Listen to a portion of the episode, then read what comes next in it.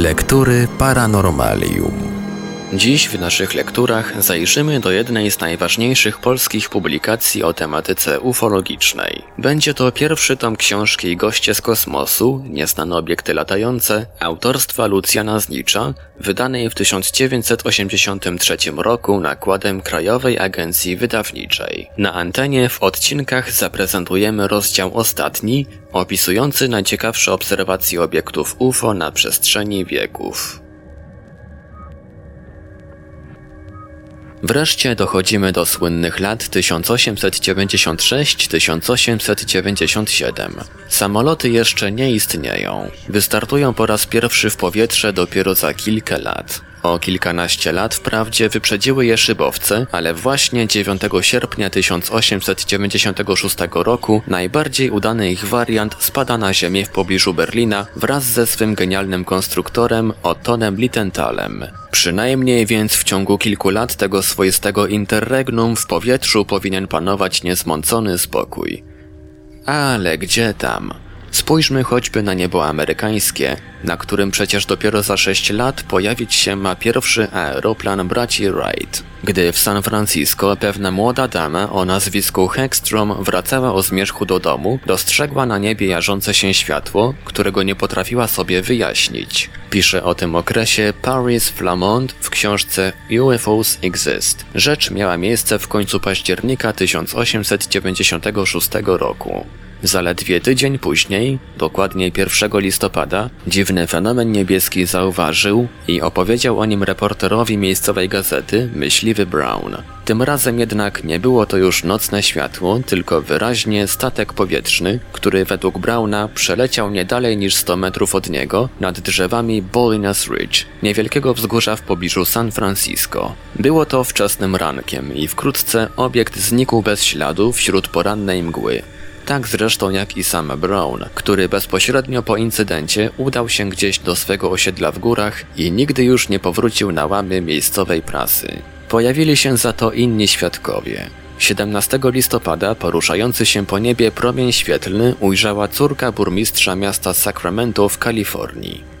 Potwierdzili to również zastępca inspektora towarzystwa tramwajowego, który dostrzegł błyszczącą kulę płynącą po lekko zmiennym kursie w kierunku południowo-zachodnim, kierownik zajezdni tramwajowej T.P. DeLong który mówił o przedmiocie płynącym na wysokości 100-150 metrów pod wiatr, jak okręt poruszający się po głębokim morzu przy wieczornej bryzie oraz wielka liczba innych świadków, którzy opisywali dziwny obiekt przeważnie jako powietrzny statek z zawieszoną na nim lampą lub reflektorem, który raz oświetlał ziemię, to znów otaczającą statek przestrzeń powietrzną. Zaledwie trzy dni później, 20 listopada, podobny obiekt, tym razem obserwowany już przez tysiące świadków, przeleciał po nocnym niebie nad Oakland w Kalifornii. Wreszcie 2 grudnia 1896 roku prasa doniosła o pierwszym bliskim spotkaniu, jakbyśmy to dziś nazwali, dwóch rybaków, Giuseppa Valincano i Ludziego Valdivi, które miało miejsce na plaży morskiej w pobliżu małej wsi Pacific Grove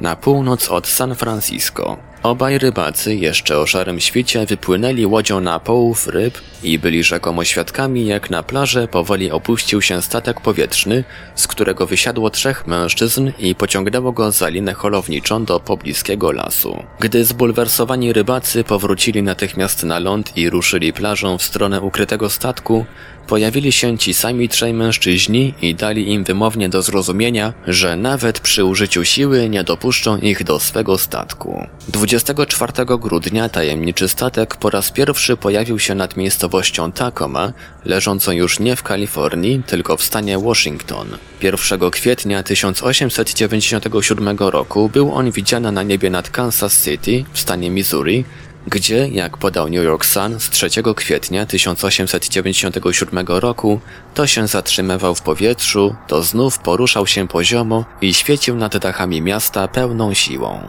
Świadkowie, a były ich tysiące, przez półtorej godziny obserwujący dziwne zachowanie się statku, raz wykonywał on niezwykłe manewry akrobatyczne, to znów zatrzymywał się bez ruchu w powietrzu, Zgodnie stwierdzili, że statek, który w pewnym momencie wygasił swe światła i był widoczny tylko w postaci ciemnej masy, musiał mieć długość około 10 metrów. Zaraz następnego wieczoru dostrzeżono podobny obiekt nad pobliską miejscowością Topeka i tutaj liczni świadkowie, szczególnie spośród odprawiającego swe wieczorne praktyki dziwnego bractwa Aksarben, jest to odwrotność nazwy Nebraska, stwierdzili, że był to wyraźnie stalowy statek powietrzny o długości około 10 metrów. 7 kwietnia 1897 roku, krótko po północy, obiekt wylądował w Sioux City w stanie Iowa. Był to balon w kształcie cygara. Opowiedział naoczny świadek tego zjawiska, pan Butler, korespondentowi New York World, który informację tę podał 9 kwietnia. Miał on około 12 metrów długości i jakieś 4 metry grubości, przy czym wylądował na boku. Pod balonem znajdowała się jakby gondola z rzędem okien, w których świeciło światło. Butler oczywiście ruszył w stronę statku, lecz załoga najprawdopodobniej się przeraziła, bowiem statek błyskawicznie wystartował i wkrótce znikł na ciemnym niebie. Ale w następnych dniach pojawił się nad Cedar Rapids i Burlington, a 10 kwietnia dotarł do Chicago. Obserwowały go tam tysiące ludzi, którzy powłazili na dachy wieżowców, aby lepiej fenomen obejrzeć. Jeno naukowcy, którzy zresztą samego zjawiska nie widzieli i usiłowali je tylko później wyjaśnić, okazali się sceptykami. Zarówno profesor G.W. Howe z obserwatorium Dearborn przy Northwestern University, jak i profesor astronomii S.W. Barnum wspólnie doszli do wniosku, że obiektem tym była tylko najjaśniejsza gwiazda z konstelacji Oriona. Daremnie studenci z Evanston zapewniali, że dostrzegli obracające się czerwone i zielone światło. Daremnie kioskarz z Rogers Park, wówczas była to wieś leżąca 30 mil od Chicago, Walter McClan, pokazywał nawet dwa dokonane przez siebie zdjęcia.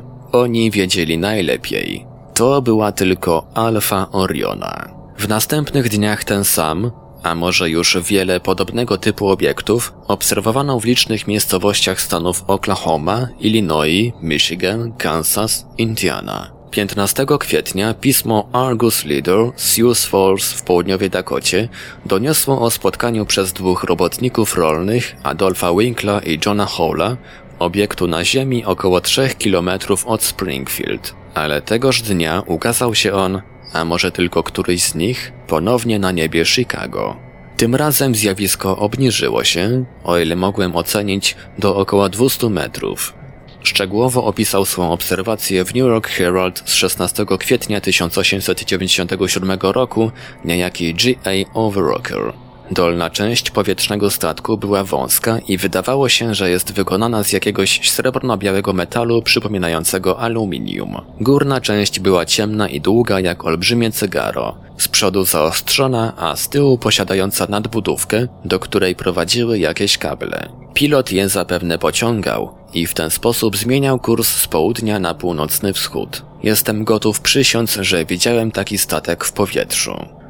Później obserwowano jeszcze podobnego typu nieznany obiekt latający nad Ripon w Wisconsin, Olcott w Indiana, Lake Forest w Illinois i Cleveland w Ohio.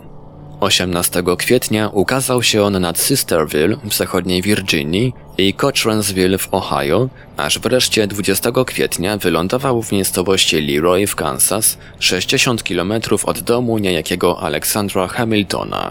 Tu już zaczyna się pełna sensacja. Według zaprzysiężonego sprawozdania świadka zbliżył się on wraz z synem i jednym z robotników rolnych na odległość 40 metrów do dziwnego statku i stwierdził, że był on wielkości boiska piłki nożnej i zbudowany był z jakiegoś ciemnoczerwonego materiału. Miał kształt gigantycznego cygara. U dołu znajdowała się kabina wykonana z twardego i przeźroczystego materiału. Hamilton rozpoznał w niej wyraźnie sześciu pasażerów, Określił ich jednak jako najbardziej osobliwe istoty, jakie kiedykolwiek widział. Nie miały one nic ludzkiego, a równocześnie nie można ich było porównać z żadnym zwierzęciem. 23 kwietnia Yates Center Farmers Advocate podało jeszcze dalsze szczegóły spotkania Hamiltona ze statkiem. Otóż według pisma był on także świadkiem, wciąż z dwiema osobami towarzyszącymi, jak załoga statku porwała nagle za pomocą kabla jedną z krów jego stada,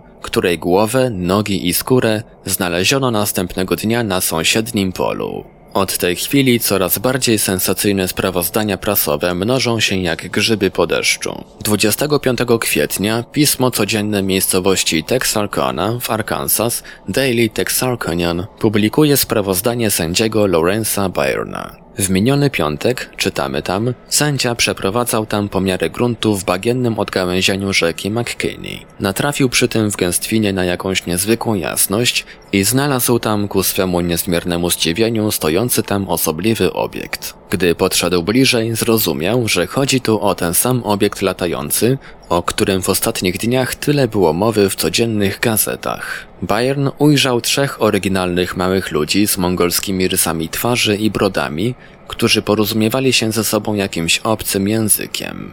Na jego widok odwrócili się, a gdy zauważyli jego zdumienie, kiwaniem rąk dali mu znak, by wsiadł razem z nimi do statku. Bayern wyjaśnia, że pojazd był wykonany z aluminium.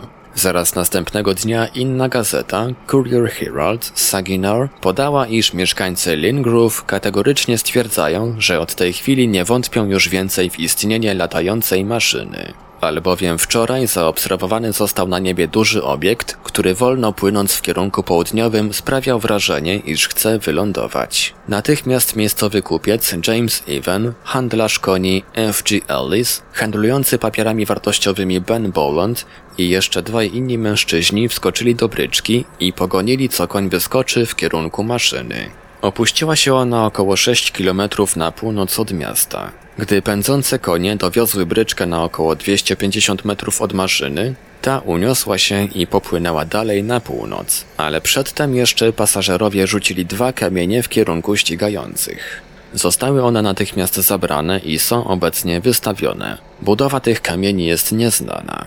W Lingrove panuje wielkie poruszenie, bo niemal wszyscy mieszkańcy miasta widzieli obiekt, gdy przelatywał nad tą miejscowością.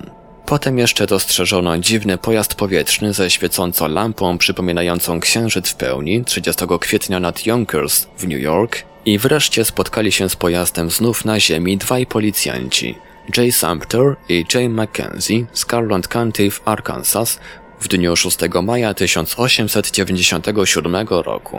Była to już ostatnia informacja, którą podała na temat obserwacji nieznanych obiektów latających nad Stanami Zjednoczonymi amerykańska prasa.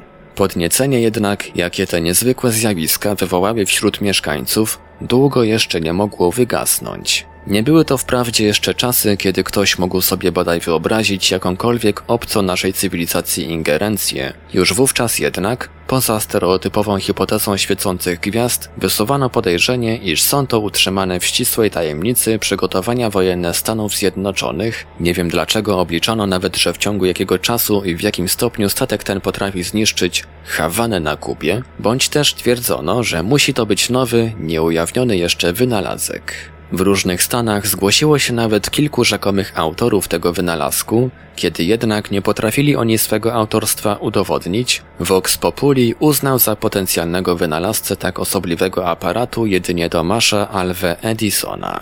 Przekonanie to było tak powszechne, że w końcu zdenerwowany Edison opublikował w prasie oświadczenie, które okazało się z dzisiejszego punktu widzenia nie mniej osobliwe niż sam obiekt. Nie mam najmniejszego zamiaru zajmować się wynalazkiem statku powietrznego. Wolę poświęcać mój czas wynalazkom, które przynajmniej mają jakąś wartość handlową. Statki powietrzne zaś w najlepszym wypadku zawsze pozostaną tylko zabawkami.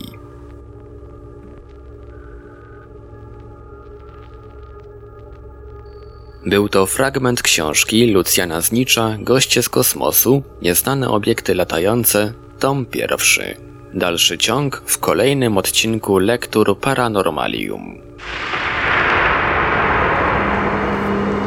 Lektury Paranormalium.